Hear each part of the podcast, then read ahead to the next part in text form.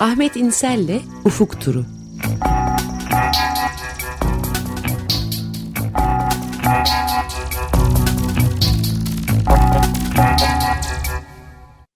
Merhaba Ahmet, günaydın. Günaydın ikinize de. Günaydın. Günaydın. Evet, Afuk turuna Uzak Doğu ile Tayvan'daki seçimle başlayalım istersen. Evet, bu e, geçen hafta bahsetmiştik. 2024 yılı dünyanın e, nüfusunun neredeyse yarısından fazlasının seçimleriyle e, seçim sonuçları, seçim yarışmaları yarışlarıyla geçecek. Bu önümüzdeki dönemi dünya konjonktürünü kısmen belirleyecek seçimlerden bir tanesi Tayvan seçimiydi. Biliyorsunuz Tayvan e, uluslararası camia tarafından bağımsızlığı e, tanınmış bir devlet değil. E, Çin Çin'in e, ilhak talebinin geçerli olduğu ama e, 1940'ların e, 1940'ların sonunda e, milliyetçi Kuomintang örgütünün e, Komünist Partisi'ne karşı savaşı kaybetmesiyle çekildiği bu adada, Tayvan'da e, Çin'in Birleşmiş Milletler'e kabul edilmesine kadar Çin'i temsil eden ülkeydi. Daha sonra e, Çin e, Birleşmiş Milletler'de e, ve Güvenlik Konseyi'nde yer aldı. Buna karşılık koşullardan bir tanesi Tayvan'ın tanınmamasıydı. Şimdi Tayvan'ı tanıyan, resmen tanıyan çok az ülke var yanılmıyorsam. E, evet, zaten Birleşmiş Milletler'de resmen temsil edilmesinin yeri alınmasını istemişti Çin ve buna uyulmuştu yani Birleşmiş evet. Milletler'de evet. temsil Tayvan, edilemiyor. Uzun bir dönem Kuomintang e, başkanı, Kuomintang'ın başındaki milliyetçi e, hareketin başındaki Chiang Kai-shek e, tarafından ağır bir diktatörlükle, koyu bir diktatörlükle yönetildi. 1990'ların ortasında e, tedrici bir şekilde e, serbest seçimler ve demokratik bir yapıya doğru e, Tayvan evrilmeye başladı ve e, o zamandan beri de Tayvan e, bölgedeki e, en demokratik e, ülkelerden biri siyasi yönetim itibariyle. E, iki parti çekişiyor. Biri, biri ilerici Demokrat Parti, diğeri ise e, Kuomintang tabii, Ulus Milliyetçi e, Parti. E, İlerici Demokrat Parti 2017'den beri seçimleri kazanıyor. İki, iki defadır e, başkanlık seçimini İlerici Demokrat Parti'nin adayı kazanmıştı. E, Tsai Ing-wen. Son olarak 2019'da e, oyların %56 veya %57'sini e, alarak başkan seçilmişti ve İlerici Demokrat Parti e, mecliste e, çoğunluğa sahipti. E, geçen cumartesi yapılan seçimlerde İlerici Demokrat Parti'nin adayı ve e, Cumhurbaşkanı e, yardımcısı, son dönemde Cumhurbaşkanı yardımcılığı yapan Lai Ching de e, oyların yüzde kırkını kazanarak başkan seçildi. Çünkü e, Tayvan'da birinci gelen başkan seçiliyor. İki aday vardı karşısında. Biri Kuomintang'ın adayı, diğeri de e, bir e, Tayvan e, Milliyetçi Liberal Partisi, eski Taipei e, belediye başkanının kurduğu e, Tayvan Halkı Partisi'nin adayıydı. Bu iki adayın arasından e, Lai Ching de oyların yüzde kırkını alarak seçildi. Ama mecliste e, İlerici Demokrat Parti meclis çoğunluğunu kaybetti. 51 milletvekilliği kazandı. Kuomintang 52 milletvekilliği aldı. Tayvan Halkı Partisi de 8 milletvekilliği aldı. Dolayısıyla e, bir önceki döneme nazaran İlerici Demokrat Parti'nin e, iktidar e, gücü epey zayıflamış olacak. Bütün bunları söylememin nedeni e, burada tabii esas konu Çin'in tavrı. E, ve İlerici Demokrat Parti'nin e, lideri şimdi başkan seçilen Lai Ching de e, Tayvan'ın bağımsızlığını bir ideal olarak, bağımsızlığını, tanınmış, ilan edilmiş bağımsızlığını bir e, siyasi ideal olarak dile getirmiş bir siyasetçi. Buna karşılık e, Kuomintang e, Çin'le e, yakınlaşmanın e, taraftarı. Tabii bu yakınlaşmayı daha çok iktisadi planda yakınlaşma olarak e, Kuomintang sunuyor ama aynı zamanda e, Çin'le e, arasında daha yakın bir e, siyasi işbirliğine de açık. Bunu da esas itibariyle Amerika'ya çok bağımlı olması Tayvan'ın eleştirerek bunu yapıyor. Geçtiğimiz dönemde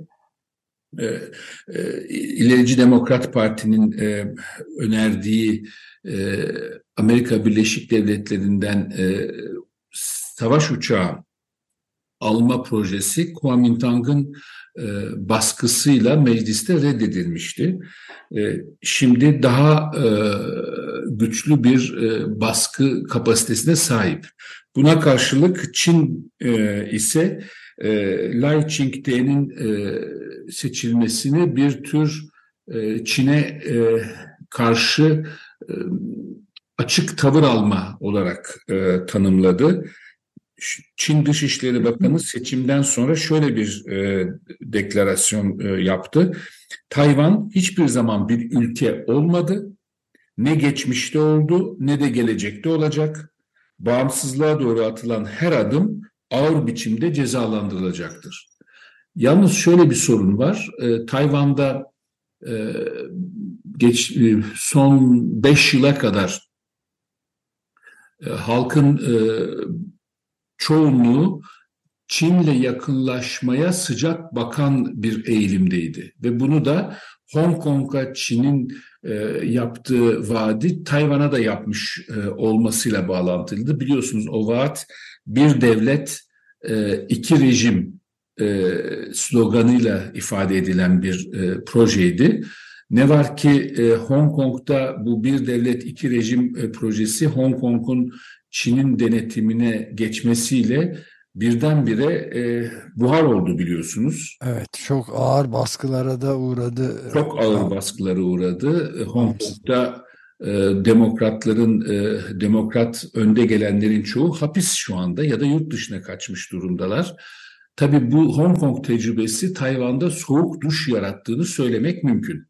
Ve e, son e, dönemde kendini Tayvanlı olarak tanımlayan e, ülke nüfusunda çok ciddi bir artış var. E, Çin'den farklı yani e, kıta sahanlığındaki e, kara e, kara, kara karadaki Çin'den farklı adadaki kimliğin Tayvanlı kimliği, Çinli kimliğinin önüne geçtiği e, görülüyor kamuoyu yoklamalarında. Ama tabii ki e, Çin'le Tayvan arasındaki gerginliklerde e, Çin'in e, e, deniz e, deniz aşırı e, bir güç olarak Tayvan'ın etrafını kuşatması, e, Tayvan e, kara sularında çok sık askeri gemilerin girmesi, Tayvanlı balıkçıların e, Tayvan karasularının dışına e, çıkmaktan artık e, imtina etmek zorunda olması, bir de e, Çin'e Çin kara e, sahasına çok yakın 2-3 e, tane Tayvan'a ait ada var biliyorsunuz. Bazıları 3-4 kilometre mesafede ve bu adalar Çin'le bir Çin'in tabii ki biraz hegemonik etkisi altındalar. Son zamanlara kadar e, bu adalarla Çin arasında yoğun ticaret e, vardı. Çin Tayvan'ı cezalandırmak için son dönemde e, Tayvan'la olan ticarete sınırlamalar getirmeye başladı. E, Amerika Birleşik Devletleri de Tayvan'a desteğini sürdürüyor. E, Tayvan konusu Çin'le Amerika Birleşik Devletleri arasındaki olası ileride olası bir e, sıcak çatışmanın e, ana konusu olabilir. Potansiyelini taşıyor evet endişe verici bir durum. Ama Tayvan'da şunu söylemek lazım. Gerçekten 1990'ların ortasından itibaren bölgede e, parmakla gösterilen bir e, demokratik, e, tabii ki kapitalist e, rejim e, çerçevesinde kalan bir sosyalist rejim falan değil Tayvan'daki.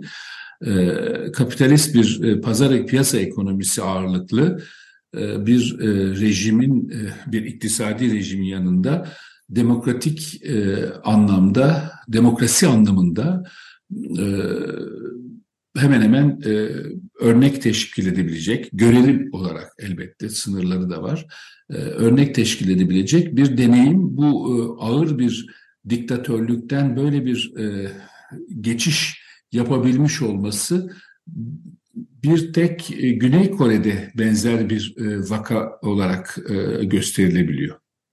Evet. Ee, Tayvan'dan sonra başka bir e, demokratik geçiş e, örneği e, ve buna karşı e, düzenin önde gelen e, elitlerinin direnişine de hakikaten hayret edici bir örnek e, e, olarak Guatemala'dan bahsedelim isterseniz. Evet darbe şimdilik olmadı galiba. Olmadı evet olmadı çok e, iyi bir haber. E, Bernardo Arevalo e, yerlilerin ve solun adayı olarak 20 Ağustos'ta ikinci turda başkan seçilmişti. Oyların %58'ini alarak başkan seçilmişti. Birinci turda Haziran ayında yapılan birinci turda e, Arevalo beklenmedik bir şekilde ikinci tura kalmıştı. Çünkü e, birinci turdan önce Arevalo'nun kurduğu e, Semilla yani tohum hareketine en fazla yüzde beş e, oy e, kamuoyu yoklamaları e, gö e, veriyordu, e, gösteriyordu. Beklenmedik bir şekilde Semilla e, Arevalo ikinci tura kalınca 65 yaşında diplomat ve kampanyası Guatemala'da çok yaygın olan üst düzey yöneticiler ve e, elitler arasındaki yolsuzluk e, şebekesi. E, Arevalos ikinci tura kalınca bu elitler, bunların başında da başsavcı geliyor. E, Arevalo'nun seçimini ikinci tura kalmasını engellemek için türlü çeşitli hukuki gerekçeler ve engeller çıkartmaya çalıştılar. Fakat e, bunu başaramadılar ve bunu yaptıkça da halkın gözünde popülaritesi arttı Arevalo'nun ve dediğim gibi ikinci turda oyların yüzde 58'ini kazanarak geldi. Bu e, Guatemala'daki yerleşik e, düzen e, yanlıları ve onun e, ondan menfaat sağlayan şebeke e, açısından e, son derece şaşırtıcı, beklenmedik ve endişe verici tabii bir durumdu. E, Hatta te tehditlere falan da Arevalo e, büyük ölüm engellemek için e, başsavcı evet. başta olmak üzere ve e, seçimi kaybeden Cumhurbaşkanı'nın da e, yönlendirmesiyle bir dizi Semilla Partisi'ni lav etmeye yönelik ya, e, yasalara uygun biçimde kurulmadığını iddia eden e, bir dizi hukuki girişim yapıldı.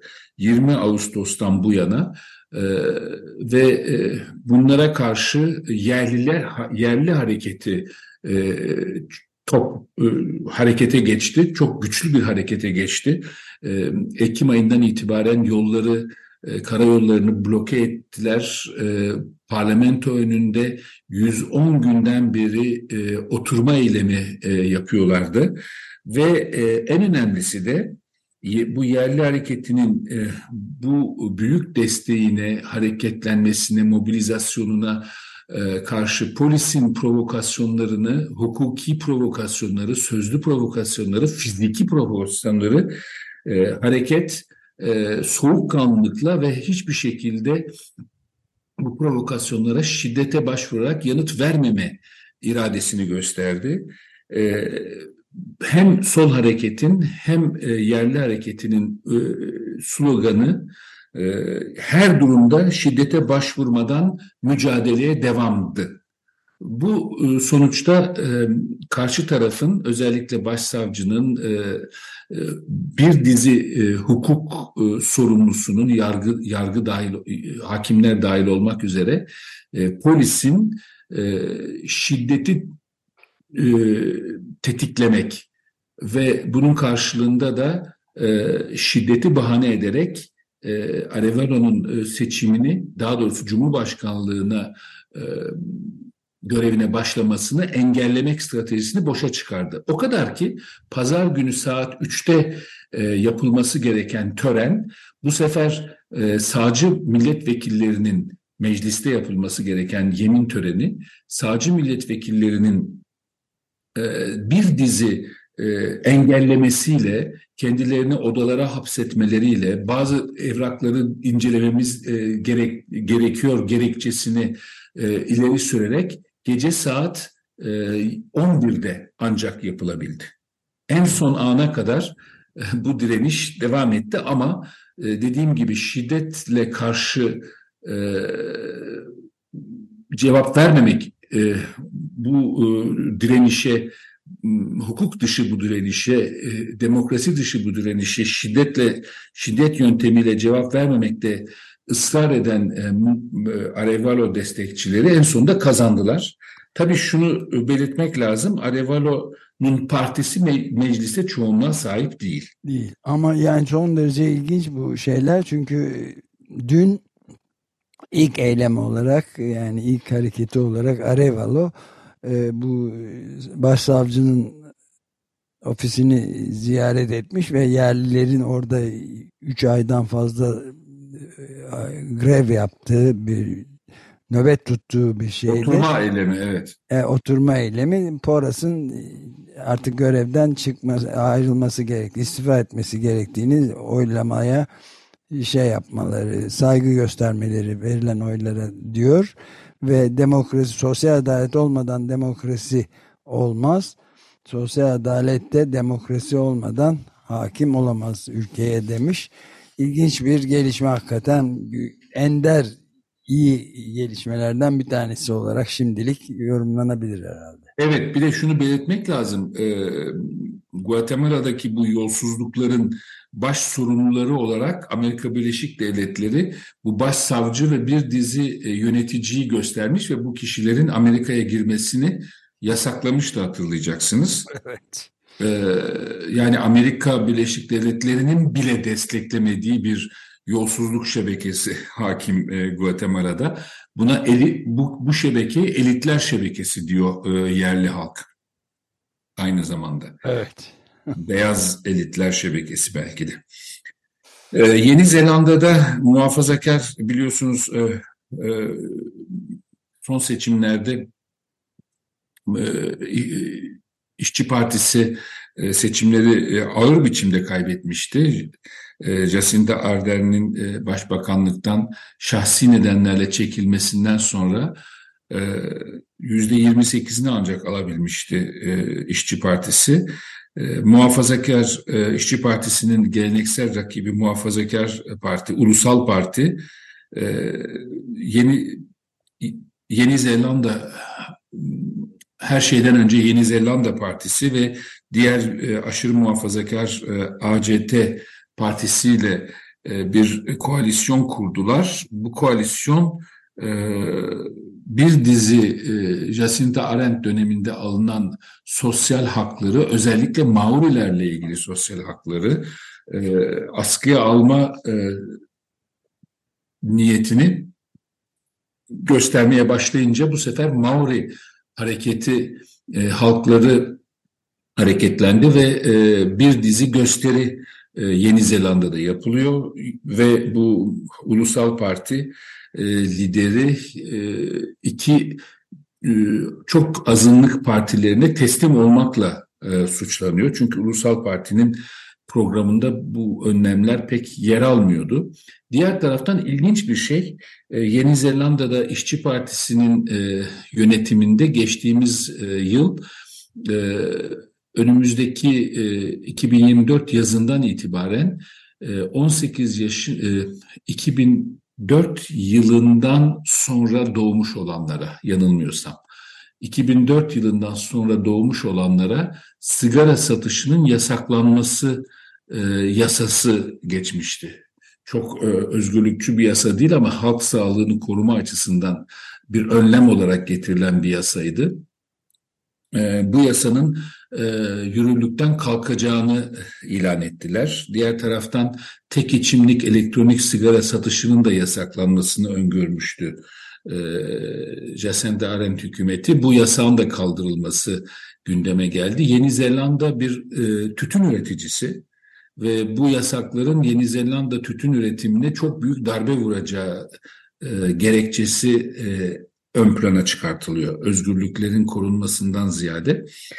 E, tabii bu e, Yeni Zelanda'nın bu yeni durumu e, muhafazakar e, hem kültürel olarak beyaz egemenliğini yeniden ihdas etmeye yönelik e, Maorilerin e, elde ettiği bazı özellikleri özellikle sağlık yönetimi konusundaki özelliklerini lağvetmeye yönelik bu girişimler e, başta e, muhafazakar e, iki partinin e, biri anti-liberal ama aşırı muhafazakar, diğeri hem liberal hem muhafazakar e, iki partinin e, azınlık partisinin ulusal partiyi e, koalisyon ortağı olarak esir almasıyla e, daha vahim bir duruma gidebilir. Belki de e, hükümet evet. bir müddet sonra devam edemeyecek hale gelebilir. Evet, beyaz adam sömürgeciliğinin ne kadar güçlü bir şekilde devam ettiğini gösteren en tipik örneklerden bir tanesi. Yani on binlerce yıldır orada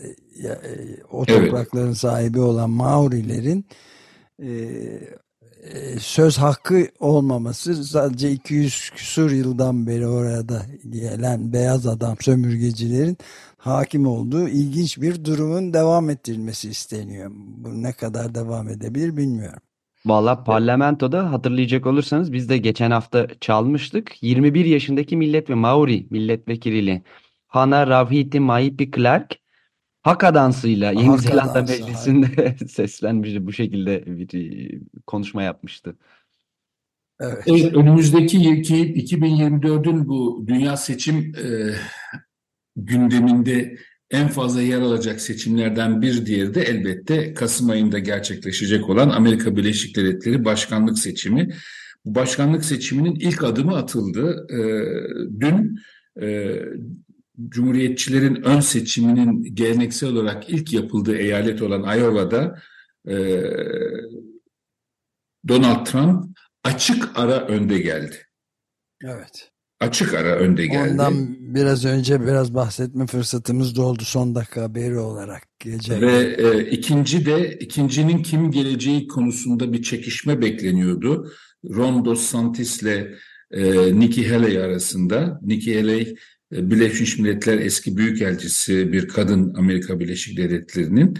E, ve Ron, Dos, e, Ron DeSantis e, ikinci Florida geldi. Valisi, evet. E, Dolayısıyla e, Biden'ın e, bu ön seçim sonrasında yaptığı açıklama e, çok açık. Donald Trump büyük ihtimalle Cumhuriyetçilerin adayı olarak seçimlere girecektir. Biden de Demokratların adayı olarak. Dolayısıyla şu anda hemen hemen tabii bazı engeller olabilir, bazı değişimler olabilir ama hemen hemen hem iki tarafında adayının e, ortaya çıktığını söylemek mümkün. Yalnız bir tek e, soru işareti Amerika Yüksek Mahkemesi e, Donald Trump'ın ön seçime katılma yetkisinin olmadığını ilan eden iki eyaletin kararını onaylayıp onaylamayacağı ama onaylamayacağı. Ama ağırlıklı olarak da Donald Trump'ın seçtiği evet. yargıçlardan oluştuğu için evet öyle. Çok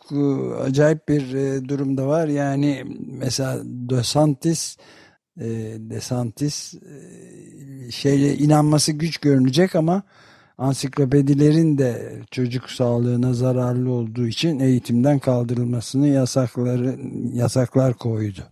Evet, evet. Ama ansiklopedide anlamadığım bu ansiklopediler e, artık kağıt basılı ansiklopedi satışta kalmadı gibi. Onu internette de yasaklaması lazım. Mesela Wikipedia'ya ulaşımı. Değil mi? E, belki de yapar. Belki de yapar. Evet, bitirmeden önce bir başka ilginç haberle e, kapatalım. E, çok alışılmadık bir bir e, girişimle, yani bu diplomasi tarihinde pek bilinen bir girişim değil. Namibya Cumhurbaşkanlığı, Afrika'nın e, Güney Afrika'nın batısında yer alan e, Namibya, uzun dönem e, Güney Afrika'nın bir tür dominyonu olarak e, kalmıştı. Ondan önce 1890'larla 1914 arasında e, Almanya kolonisiydi. E, Namibya Cumhurbaşkanlığı e, Almanya'nın İsrail'i Gazze saldırısında de, desteklemesini suçlayan bir bildiri yayınladı Twitter'da. Evet. Uzun bir bildiri ve Cumhurbaşkanlığı bildirisi. Çünkü Berlin 12 Ocak'ta bildirinin yayınlanmasından e, bir gün önce e, İsrail'in yanında Uluslararası Adalet Divanı'nda üçüncü taraf olmayı önermişti. İsrail'i desteklemek için e, Uluslararası Adalet Divanı'nda Güney Afrika'nın İsrail'e karşı açtığı e, soykırımı önlememe e, suçu ilgili suç duyurusu ve e, davayla ilgili e, Güney Afrika'nın Uluslararası Adalet Divanı'ndaki şikayetini 1948 Birleşmiş Milletler Sözleşmesi'nin e, siyasal amaçlı kullanımı olarak tarif etmişti e, Almanya Dışişleri e, Bakanlığı veya Al, Alman hükümeti diyelim. E, buna karşı Namibya Cumhurbaşkanlığı Almanya'nın basın, basın bildirisinin Almanya'ya karşı bir basın bildirisi yayınlayarak Herero ve Nemo halklarının 1904'te e, ayaklanma gününde Almanya'nın bu e, açıklamayı yapmasını e, teessüfle karşıladığını bildiriyor. 20. yüzyılın ilk soykırımı en az 65 bin Herero 70 bin. 10 bin Nama. Evet 60 bin Herero 10 bin Nama 70 bin kişinin öldürüldüğü evet. 1904 ile 1908 arasında 1904'te Hererolar e, Alman işgaline karşı ayaklanmışlar ve buna karşılık da çok ağır bir baskı, e, kitlesel katliam ve sürgün, e, çöl, evet. çöle sürülerek öldürülme yaşamışlardı. Almanya hükümeti halen Namibya toprakları üstünde işlediği soykırımın kefaretini tamamen ödemedi diyor Namibya Cumhurbaşkanlığı. Almanya 2021'de nihayet Namibya'da işlenen e, e, eylemlerin bir soykırım olduğunu tanımış ve bir tazminat vaat etmişti ama o günden beri bir ilerleme yok. E, yok. yani Namibya şey diyor değil mi? Berlin Lahey'deki davaya İsrail lehine müdahil olması her şey bir yana ahlaki değil. Ahlaki Ahlaka, değildir diyor. Ahlaka evet. aykırı ki çok haklı buluyorum ben de. Belçikalı bir bakan da Almanya'ya tarihte ikinci kez yanlış tarafta durmak istediğinizden emin misiniz diye sormuştu. evet. Ayrıca evet. Evet. Peki o zaman. Peki, iyi günler herkese. Çok teşekkürler. Görüşmek üzere. Görüşmek üzere.